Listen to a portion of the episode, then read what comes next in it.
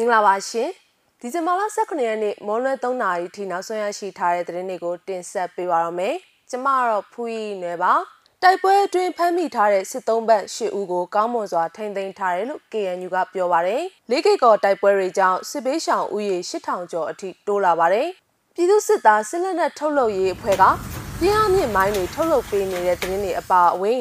ရတဲ့အခွင့်အရေးတွေအတွက် အာဖဂန်အမျိုးသမီးတွေခြိတက်ဆန္ဒပြခဲ့တဲ့သတင်းတွေကိုလည်းတင်ဆက်ပေးဖို့ရှိပါတယ်။ကရင်ပြည်နယ်မြဝတီမြို့တောင်ဘက်ရှိလေးကိတ်ကော်မြို့သစ်အနီးမဲထော်တလေးနဲ့ပဟိကလော်ကျေးရွာကြားဒီဇင်ဘာလ16ရက်ကဖြစ်ပွားခဲ့တဲ့တိုက်ပွဲအတွင်းဖမ်းဆီးရမိခဲ့တဲ့စစ်ကောင်စီတပ်သား6ဦးနဲ့ BGF တပ်ဖွဲ့ဝင်2ဦးစုစုပေါင်း8ဦးကိုကောင်းမွန်စွာကျွေးမွေးထိန်းသိမ်းစောင့်ရှောက်ထားတယ်လို့လေးကိတ်ကော်မြို့သစ်တာဝန်ရှိသူကမေဇီမာကိုပြောပါတယ်။ မနေ့ကဖြစ်ပွားခဲ့တဲ့မဲထော်တလေးနဲ့ပဟိကလော်ကြီးရွာကြားတိုက်ပွဲမှာစစ်ကောင်စီတပ်သား18ဦးသေဆုံးခဲ့တယ်လို့ KNL သတင်းရင်းမြစ်ကအတည်ပြုထားပါတယ်။အဲ့ဒီသေဆုံးသူရုပ်အလောင်းတွေကိုလာရောက်ကောက်ယူတဲ့အကြမ်းဖက်စစ်ကောင်စီတပ်သား6ဦးနဲ့ KNL ကြားဆောင်တပ် BGF တပ်ဖွဲ့ဝင်2ဦးကို KNL ပူးပေါင်းတပ်ဖွဲ့တွေကအရှင်ဖမ်းမိခဲ့တာဖြစ်ပါတယ်။ကျွန်တော်တို့ဒီမှာပဲအေးဆေးထားထားတယ်။ကောင်းကောင်းမွန်မွန်နေဖို့ပြောထားပါတယ်။သူတို့ကမဲထော်တလေးမှာအလောင်းလာကောက်တာလို့ပြောပါတယ်။ လူကြီးကအလောင်းလာကောက်ခိုင်းလို့အလောင်းလာကောက်ရင်းနဲ့ကျွန်တော်တို့တပ်ဖွဲ့ဝင်တွေနဲ့တွေ့ပြီးတော့ခေါ်လာခိုင်းလိုက်တာလို့လေးကိကောင်မြို့တစ်တာဝန်ရှိသူတူကမေဇီမာကိုပြောပါတယ်။အဲ့ဒီဖမ်းမိခဲ့တဲ့စစ်ကောင်စီတပ်သား၈ဦးကို KNL တပ်ဖွဲ့ဝင်တွေကလေးကိကောတာဝန်ရှိသူတွေထံလွှဲပြောင်းပေးခဲ့ပြီးသူတို့အားလုံးကိုလုံခြုံတဲ့နေရာတစ်ခုမှာကောင်းမွန်စွာထိန်းသိမ်းထားတယ်လို့လေးကိကောမြို့တစ်တာဝန်ရှိသူကဆိုပါတယ်။ပြီးခဲ့တဲ့ဒီဇင်ဘာလ15ရက်နေ့ကစတင်ခဲ့တဲ့လေးကိကောတိုက်ပွဲကြောင့် ဒေသခံတွေဘေးလွတ်ရာထွက်ပြေးတိမ်းရှောင်နေကြရပါတယ်။ဒီဇင်ဘာလ18ရက်နေ့မှာလည်းလေးကိကောမြို့တဲ့အနီးတစ်ဝိုက်ရှိမဲထီကလော်မှာနှစ်ပတ်တိုက်ပွဲတွေဆက်လက်ဖြစ်ပွားနေပြီးစစ်ကောင်စီအမြောက်ကုန်းကမဲထီကလော်ဘက်ကိုလက်နက်ကြီးပစ်ကူနေတယ်လို့လည်းသတင်းရင်းမြစ်တွေကပြောပါတယ်။ကင်းပြည်နယ်လေးကိကော်မြို့မှာစတင်ဖြစ်ပွားခဲ့တဲ့တိုက်ပွဲတွေကြောင့်ဒေသရင်းစစ်ဘေးရှောင်နေရသူဥယေ8000ကျော်အထိတိုးလာတယ်လို့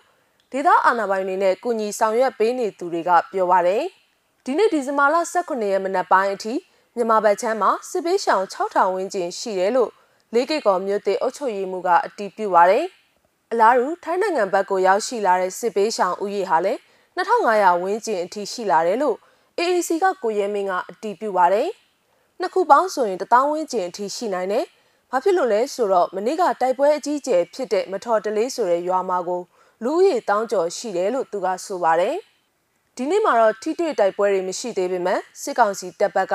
မနက်9နာရီကျော်ကစတင်ပြီးလက်နက်ကြီးတွေနဲ့ဇက်တိုက်ပစ်ခတ်နေတယ်လို့လေးကိတ်ကော်မြို့တေအုပ်ချုပ်ရေးမှူးကဒီဇင်ဘာလ18ရက်မနက်7နာရီခွဲမှာပြောပါတယ်။ဒီမနက်ကတော့မထော်တလင်းနဲ့လေးကိတ်ကော်တို့ကိုလက်နက်ကြီးနဲ့ချနေပါတယ်။ဒီလိုပဲထပစ်နေရင်တော့လူလူကတော့လွတ်ရကျွရပြေးရမှာပါပဲ။တမနေချားတစ်လုံးလောက်ကြာနေတာ။ တပြိုင်နက်တည်းပြိုင်တူနှလုံးသုံးလုံးကြတာလည်းရှိတယ်လို့လေးကိကော်မျိုးသစ်အုပ်ချုပ်ရေးမှူးကပြောပါရယ်စစ်ဘေးရှောင်အများစုဟာသူတို့နေရက်အတွင်းလက်နက်ကြီးကြီးကြားရောက်ပောက်ကွဲမှာကိုစိုးရိမ်တဲ့အတွက်ထွက်ပြေးနေရတာဖြစ်တယ်လို့လည်းဆိုပါရယ်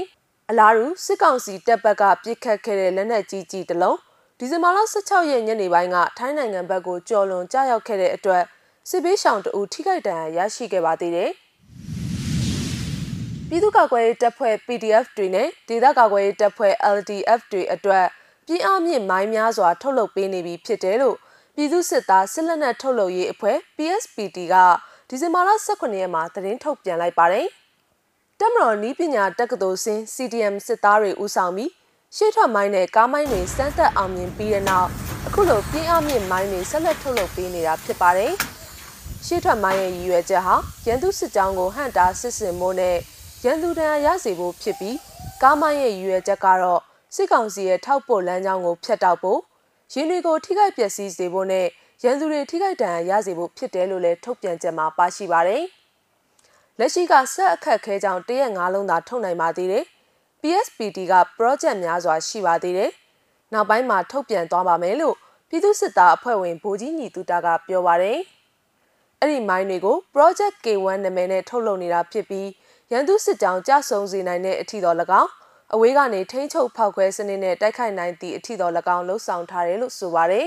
။မိုင်းတစ်ခုကိုကုန်ကျန်းရန်နဲ့ထိန်းချုပ်စနစ်အပါအဝင်အားလုံးအတွက်မြမကျပ်ငွေ9000ဝန်းကျင်ကုန်ကြတယ်လို့လည်းဆိုပါတယ်။ Project K1 မိုင်းထုတ်လုပ်မှုမှာ PSPD ကတက်မတော်နီးပညာတက္ကသိုလ် DSTA စင် CDM အရာရှိတွေနဲ့ အရက်သားကျွမ်းကျင်ပညာရှင်တွေပါဝင်ပါတယ်။ပြည်သူစစ်သားစစ်လက်နက်ထုတ်လုပ်ရေးအဖွဲ့ PSPD ရဲ့ပထမအဆင့်ထုတ်လုပ်မှုအဖြစ်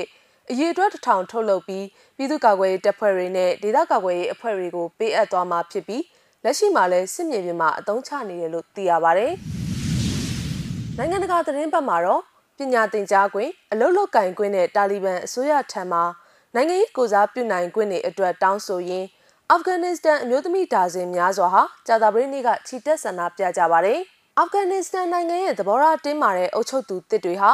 အများပြည်သူဆန္ဒပြတာတွေကိုထိထိရောက်ရောက်တားမြစ်ထားပေမဲ့အခုဆန္ဒပြတာကိုတော့ခွင့်ပြုပေးထားတာကြောင့်ကပူးမြို့တော်ရဲ့စောင်းရာသီနှင်းကြပြီးအေးဆက်တဲ့ရာသီဥတုအောက်အခုလိုခြိတက်တောင်းဆိုကြတာလည်းဖြစ်ပါတယ်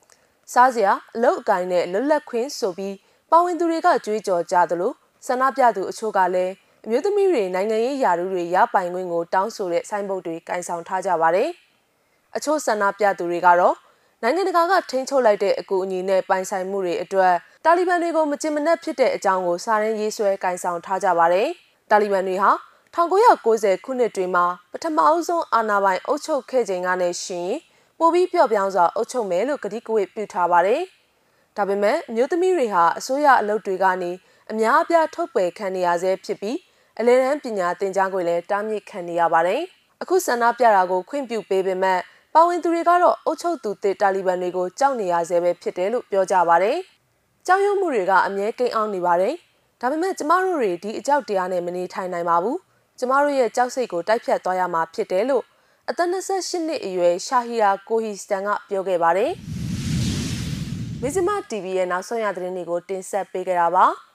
စောင့်မျှော်ကြည့်ရှုခဲ့ကြတဲ့ပရိသတ်တွေအားလုံးကိုကျေးဇူးအထူးပဲတင်ရှိပါတယ်ရှင်။